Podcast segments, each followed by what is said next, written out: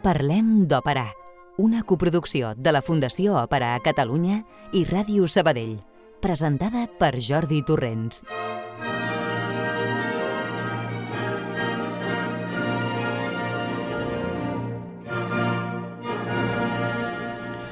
Benvolguts i benvolgudes, ens tornem a trobar en un any nou. La d'avui és la nostra primera cita aquest 2023 i a més a més és la nit de Reis.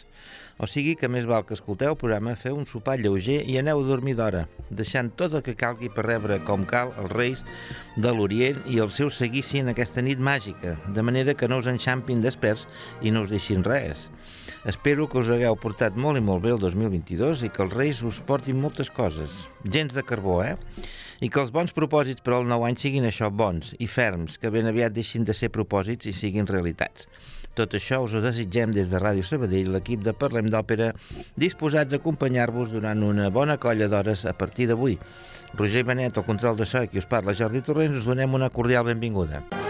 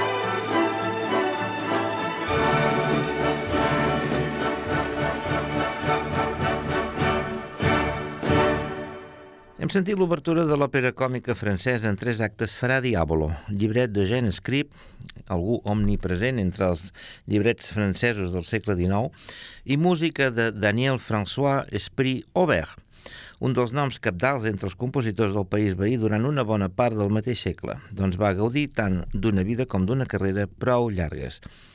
Fra Diàbolo es va estrenar l'Òpera Comique de París, aleshores a la Salle Ventadour, el 28 de gener de 1830. La versió de l'obertura que acabem d'escoltar era la de l'Orquestra Filarmònica de Monte Carlo, dirigida per Marc Sustró.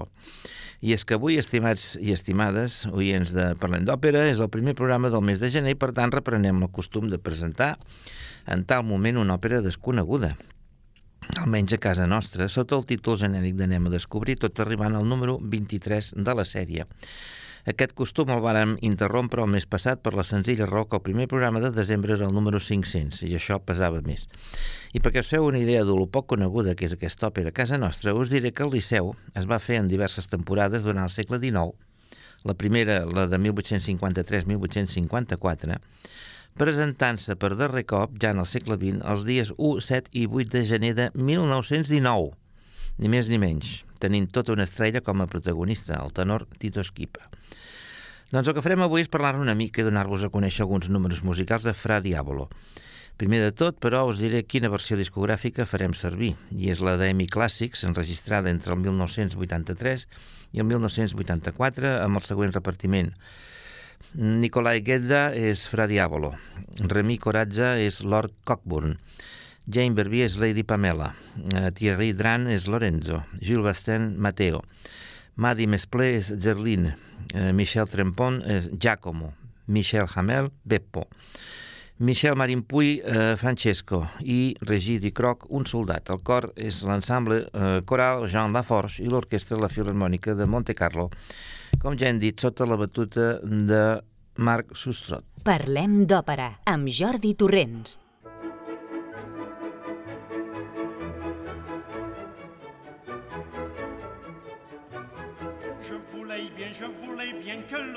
Trouve vous très aimable et que de loin même fashionable. Admire aussi votre maintien, je voulais bien, je voulais bien, je voulais bien. Mais comme tous les lieux où je passe, en lorgnant vous avec audace, un galantin suive vos pas. Je voulais pas, je voulais pas, je voulais pas, je voulais pas pas, non, non, non, non, non, non, non, non, goddamn. Je voulais pas, non, non, non, non, non, non, non, non, goddamn. Je voulais pas, je voulais pas, je voulais pas, je voulais pas.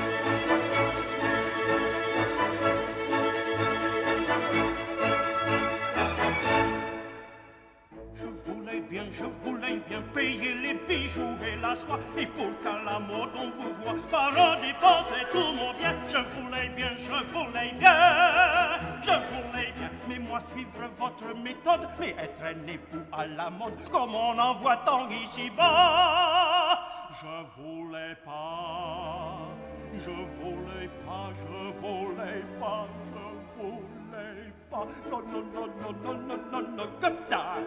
Je voulais pas, non, non, non, non, non, non, non, non, god damn. Je voulais pas, je voulais pas, je voulais pas, je voulais pas.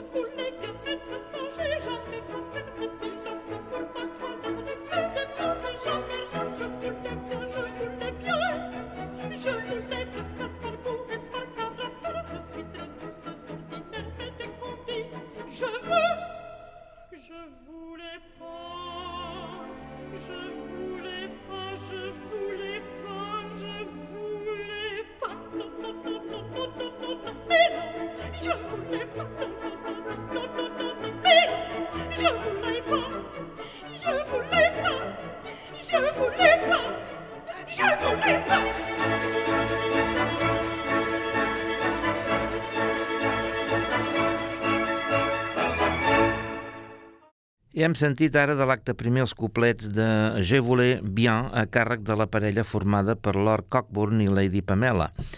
Però anem a parlar en primer lloc de l'autor de la música, del compositor. Daniel François Esprit Aubert va néixer a Caen, a Normandia, el 29 de gener de 1782, en el si d'una família d'artistes estretament relacionada amb la reialesa, doncs el seu avi fou pintor de Lluís XVI i el seu pare, a banda de també pintor i músic amateur, fou majoral de caça d'aquest mateix rei. A l'època de la Revolució, la família s'instal·la a París, on el pare obre un comerç d'estampes i el fill comença a desenvolupar les seves aptituds musicals. Jean-Blaise Martin, baríton a l'òpera còmic, fou el seu primer mestre. El noi ràpidament demostra les seves habilitats en petites composicions, com ara romances i arietes italianes, però el seu pare vol que continuï el comerç familiar i és enviat a Londres per aprendre els rudiments comercials i l'anglès. Però la represa d'hostilitats entre França i el Regne Unit el 1803, així com el seu poc interès pel comerç, el fan tornar a casa. Mai més sortirà de París. Mentre que el comerç familiar anava bé, ell es dedicava a la música com a dilettante i compon una petita òpera còmic, la primera anomenada L'Horreur d'un moment, representada el 1805 per una companyia amateur. És el 1808 quan el seu concert per a violí en re obté un gran èxit en la seva estrena en el Conservatori de París.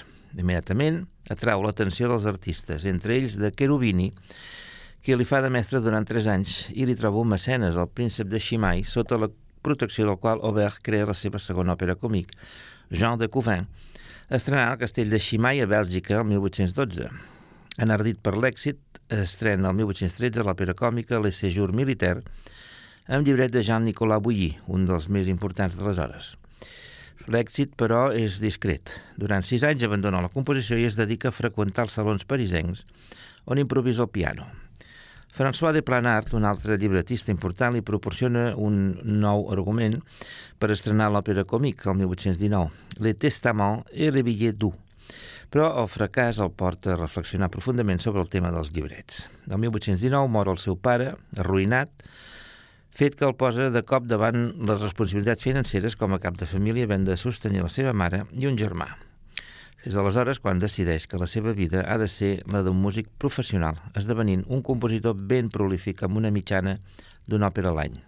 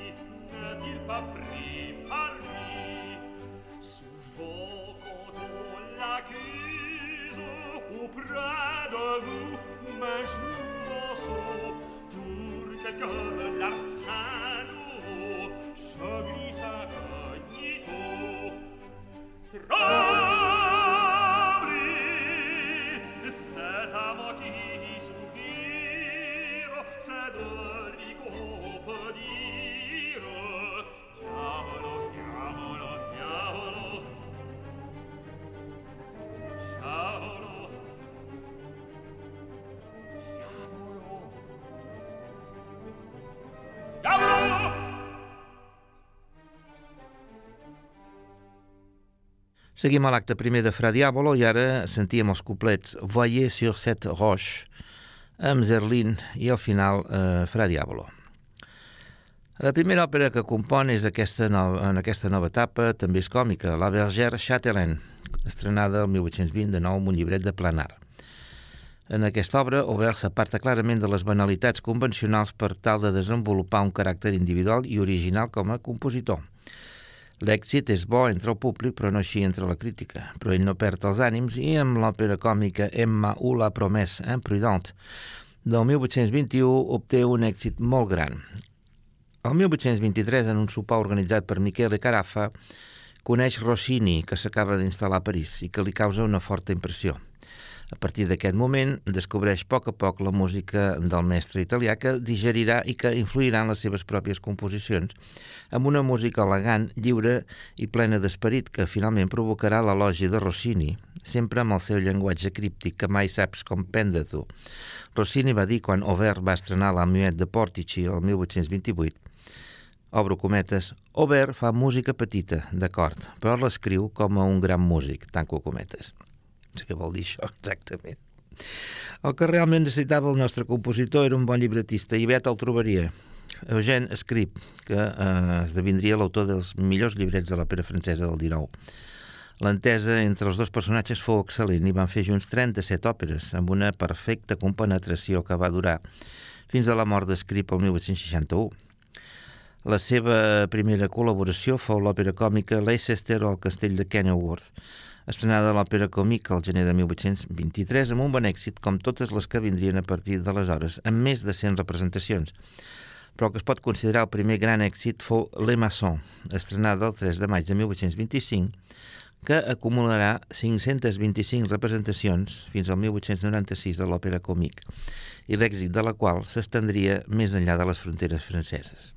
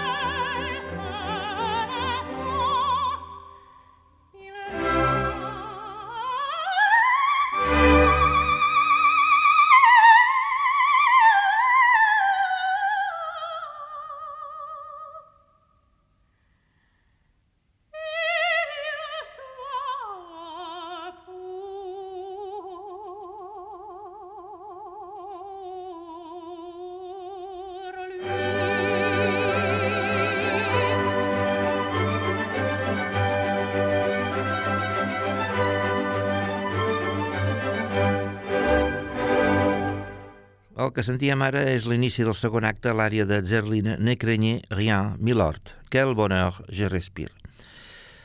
Aubert ja tenia la seva carrera molt ben encaminada i és aleshores quan l'Òpera de París li confia la composició d'una òpera en cinc actes darrere fons històric. Vaja, les típiques històries que agradaven a aquesta institució. L'òpera en qüestió s'estrena el 29 de febrer de 1828 i és la Muet de Portici, l'argument de la qual transcorre en el marc de la revolta de Nàpols contra els espanyols de l'any 1647 liderada pel pescador Masaniello el nom del qual era el títol que inicialment havia de portar l'òpera, però que es va canviar perquè ja hi havia una que es deia així, que de Michele Carafa i de l'any 1827. Un muntatge espectacular i cantants de primeríssima fila, com ara el tenor Adolphe Nourri, asseguren el triomf d'aquesta òpera que fins al 1882 es representarà 505 vegades només a París, amb una important carrera internacional també. Wagner, per exemple, n'era un gran admirador. A més a més, l'Amiat de Portici té una gran importància històrica, doncs es pot considerar el tret de sortida del que seria la gran òpera francesa.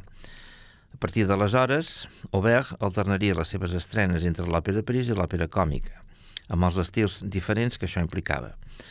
Els constants èxits que recollia canvien totalment la seva situació financera. Podem viure força bé de la seva feina compositiva. No obstant, les composicions notables per l'òpera, com ara Le Filtre, que és mm, l'origen del llibret del que eh, en el futur seria l'Elisir d'Amori de Donizetti, o Gustave Trois ou Le Bal Masqué, origen remot també del que en el futur seria Un balo i màscara de Verdi, és de l'òpera còmic on es consagra amb més regularitat a partir del triomf, el 28 de gener de 1830, de Fra Diabolo o l'Hotellerie de Terracine, l'òpera que estem comentant avui.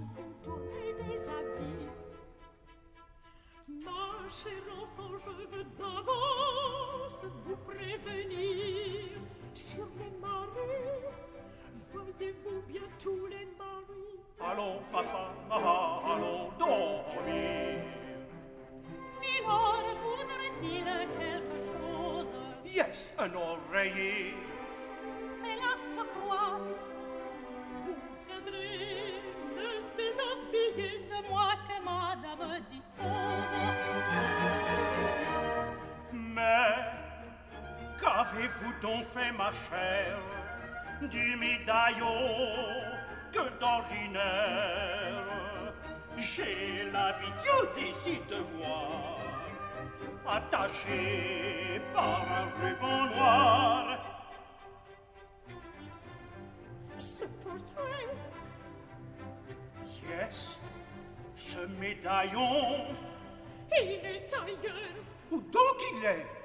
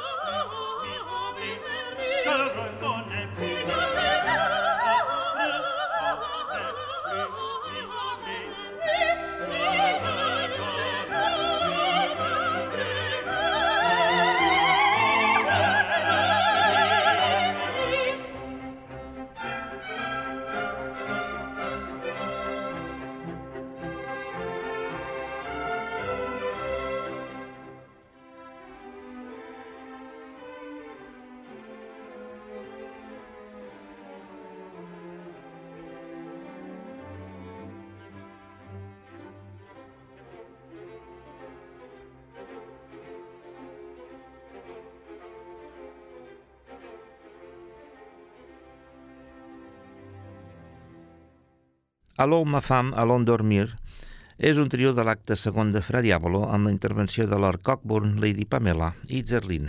Les successives òperes còmiques estrenades per Aubert es consideren encara entre les obres mestres d'aquest repertori i de tota la lírica francesa del XIX, fins i tot amb èxit fora de França. Entre elles figuren Le Cheval de Bronze, del 1835, considerada una de les seves millors partitures, Le Domino Noir, del 1837, que fou el més gran èxit popular del compositor, amb 1.209 funcions a la Salfa Bar durant el segle XIX, força més que les 909 de Fra Diavolo. Ara us recordo que la Salfa Bar era i encara és avui en dia la seu de l'Òpera Còmic de París. Le Diamant de la Couronne, del 1841, d'aquí vindrà la sarsuela de Barbieri i los Diamantes de la Corona, la part du diable del 1843 o Haide ou le secret del 1847. Aubert assoleix el cim de l'escola francesa, ajudat d'una banda per la prematura desaparició de Herold i per la incomprensió del públic cap a l'obra de Berlioz. L'únic que li pot fer una mica d'ombra és Haliby. El 1842 és nomenat director del Conservatori de París, càrrec de gran prestigi, en el que succeeix Cherubini. I el 1852 esdevé director de la Capella Imperial.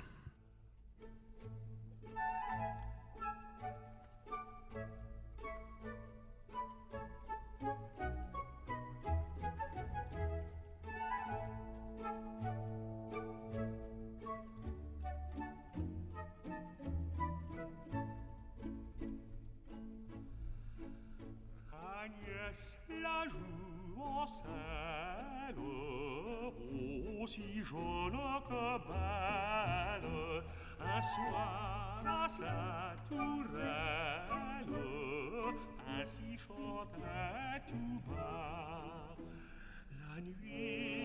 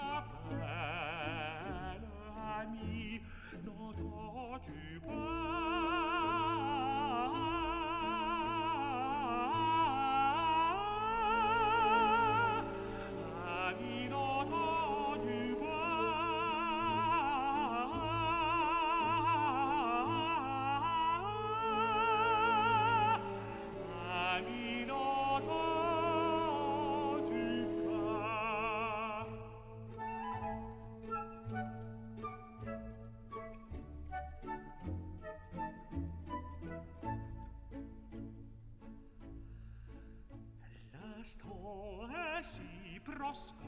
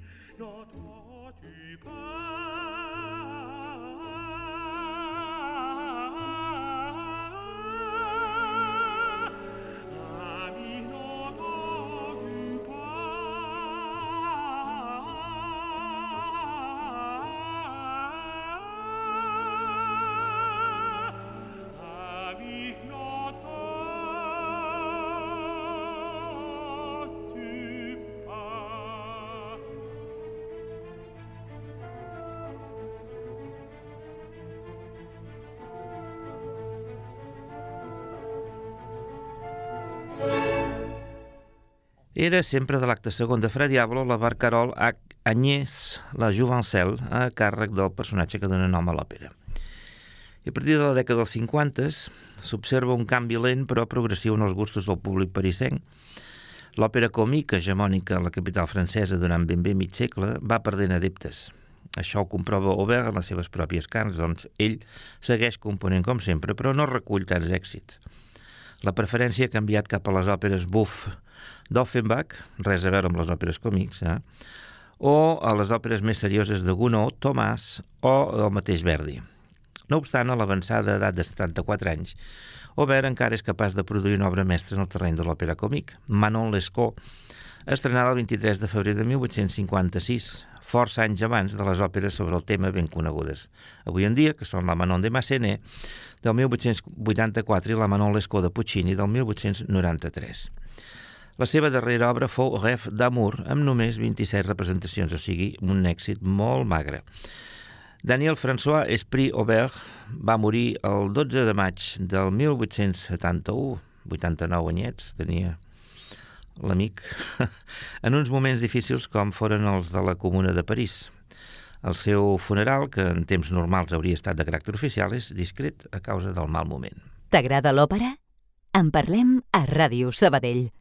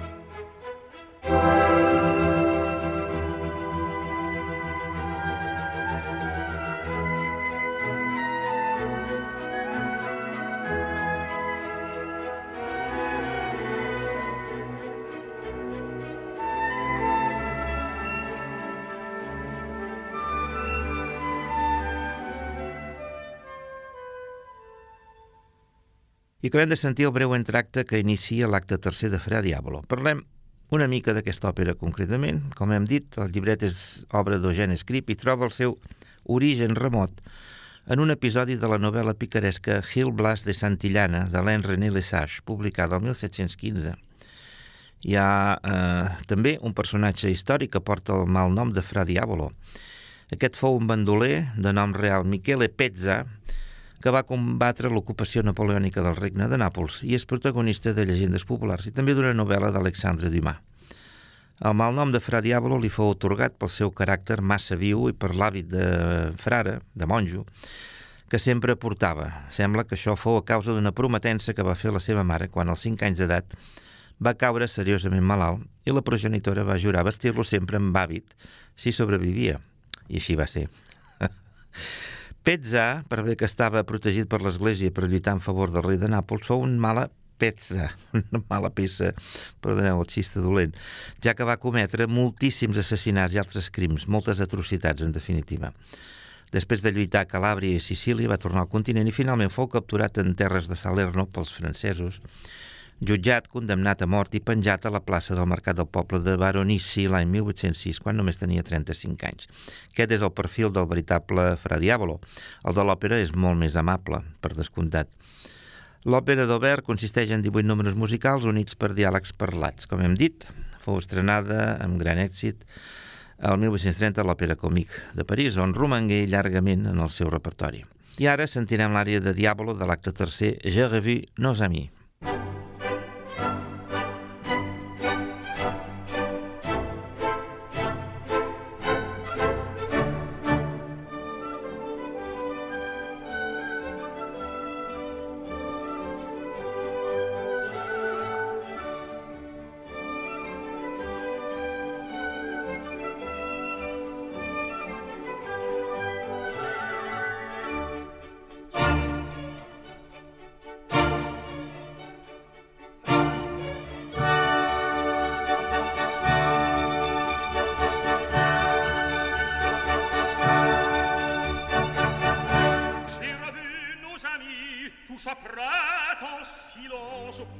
secourir ma vengeance et pour combler tous mes vœux est-il un destin plus heureux?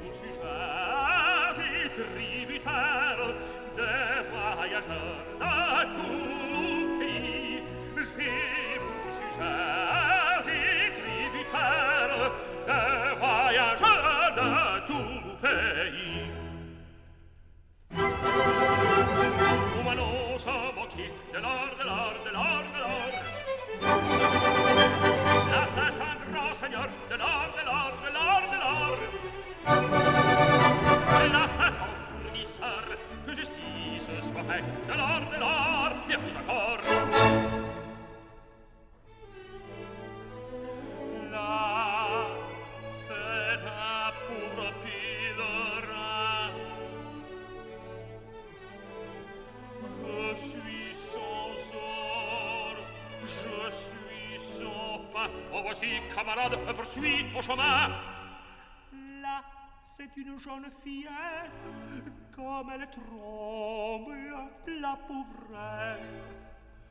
Par charité, laissez-moi, je vous prie.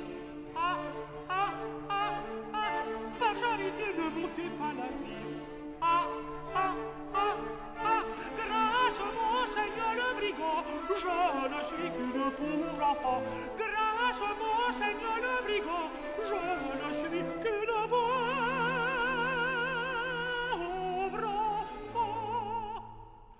L'une de mon rien n'appelle l'usage de les épargner. Nous ne demandons rien n'appelle l'usage de les épargner. Mais toujours recevons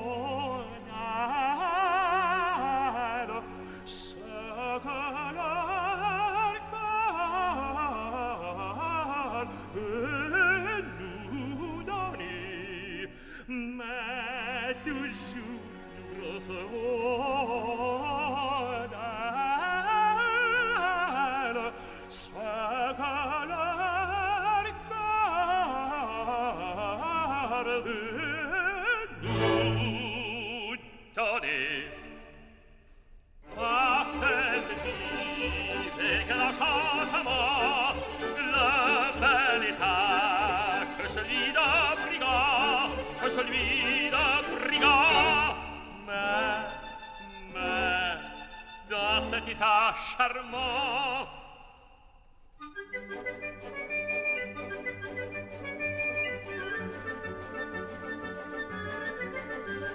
faut nous hâter le temps presse, il faut hâter de jouir, les heures qui nous caressent, demain pourra nous trahir, quand des périls de toute espèce semblent toujours nous menacer, et plaisir et richesse, il faut gaiement tout dépenser.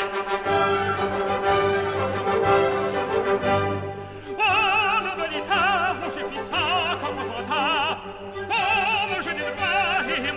je le perçois, je prends, je lève, je ravis, et les femmes et les maris, j'ai fait battre souvent leur cœur, l'un d'amour, l'autre de frayeur, l'un en tremblant dit mon Seigneur, et l'autre dit je vole, vole, il faut nous battre de popresse, il faut se battre de jouir, les hommes qui nous caressent, demain pourra nous trahir, quand des périls de toute espèce sont toujours nous merci et plaisir et richesse il faut gaiement tout dépenser Oh, le bonita, mon chépissa, comme on comme j'ai des droits, et moi-même je le perçois, il faudra qu'il t'appresse, il faut se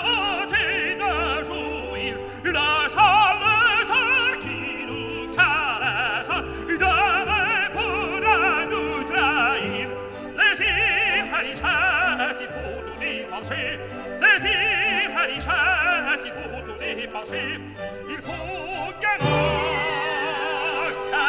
Il tout dépenser, il faut nous hâter de partage, il faut se hâter de jouir, il faut se hâter de jouir, se hâter de jouir.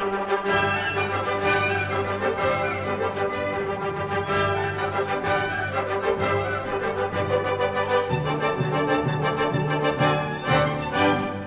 Torna a escoltar aquest programa a radiosabadell.fm. I anem tot seguit a explicar l'argument de Fra Diavolo. Acte primer. L'acció té lloc a la vila marinera de Terracina, en el sud d'Itàlia. A la posada eh, de Mateo, un batalló de carabiners en modus festiu es prepara per sortir per seguir els bandolers que infesten la regió. Però el seu capità Lorenzo no està per festes. Enamorat mm, de la filla de l'hostaler, Zerlin, veu com els seus somnis es fan miques en ser anunciat el casament de la noia amb un ric granger, Francesco. Arriba una parella d'anglesos, Lord Cockburn i la seva esposa Lady Pamela, que acaben de creuar el territori del bandit Fra Diavolo. Ella està furiosa contra el marit perquè ha permès als bandits robar-li totes les joies. Ell, per la seva banda, li retreu haver estat massa amable amb un marquès que han anat trobant durant el viatge.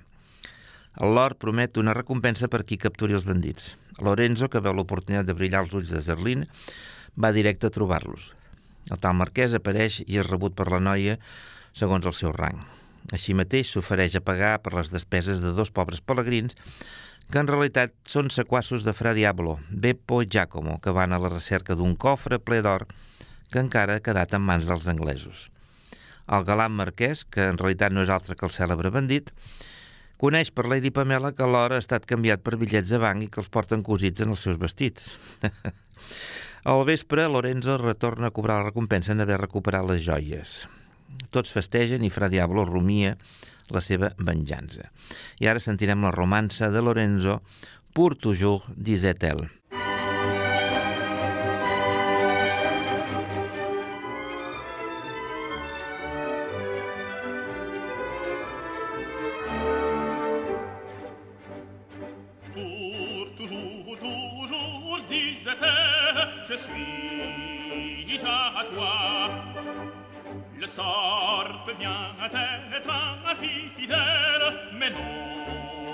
pas à moi et déjà la perfide adore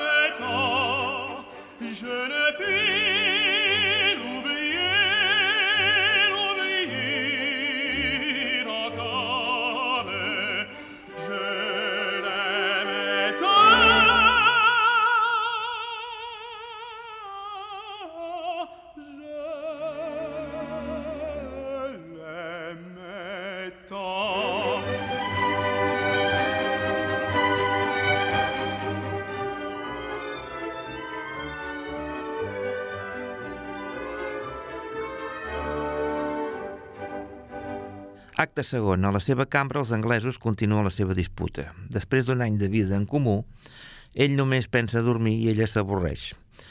Els soldats han marxat i el fals marquès canta una barcarola que és la senyal per als seus sequassos per venir a recuperar els diners dels anglesos. Zerlina, per la seva banda, té en les seves mans la recompensa de Lorenzo, que els bandits també volen robar, que servirà de dot per al casament, i se'n va a dormir tota contenta.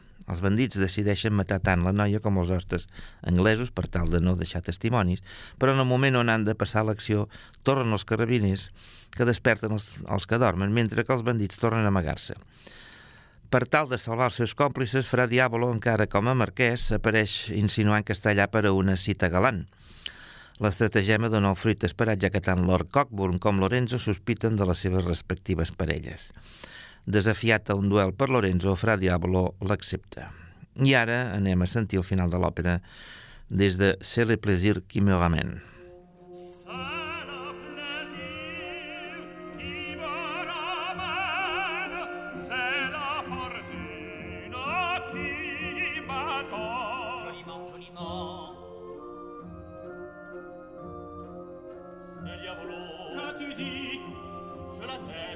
C'est le marquis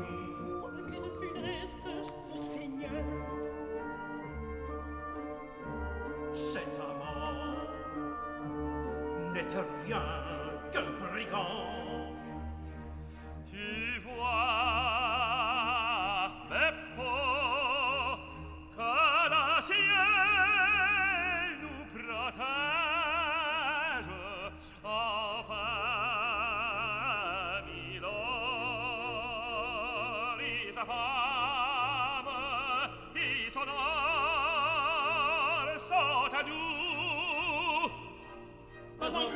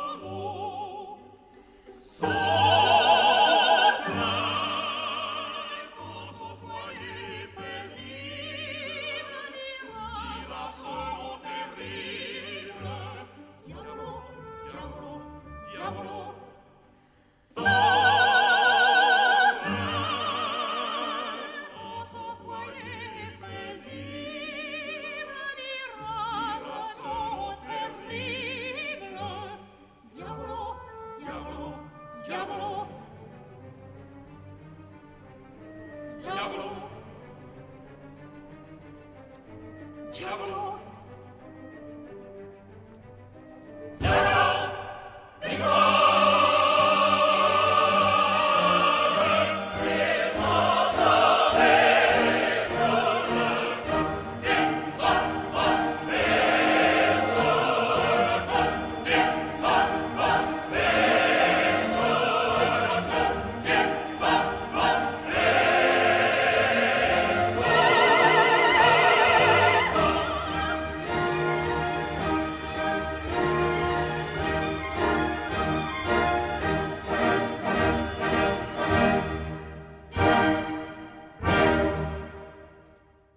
Acte tercer. Fra Diabolo ultima els detalls del seu projecte. La mort de Lorenzo serà la venjança de la seva banda i podrà prendre la fortuna del Lord, així com quedar-se amb la seva dona. Arriba el seguici nupcial de Zerlina i Francesco i ella intenta disculpar-se amb Lorenzo per aquest matrimoni no desitjat, però una conversa entre Beppo i Giacomo que ella sorprèn li fa entendre que realment són uns bandits. Tots són immediatament arrestats i Lorenzo descobreix les intencions de Fra Diabolo que les portaven per escrit. Li paren una trampa al fals marquès que hi cau i Fra Diabolo és detingut. Tot acaba bé i aquest programa també acaba bé. I per això us convoco per al següent. No falleu. Adéu-siau i fins dijous que ve. Contacta amb nosaltres. Òpera arroba radiosabadell.fm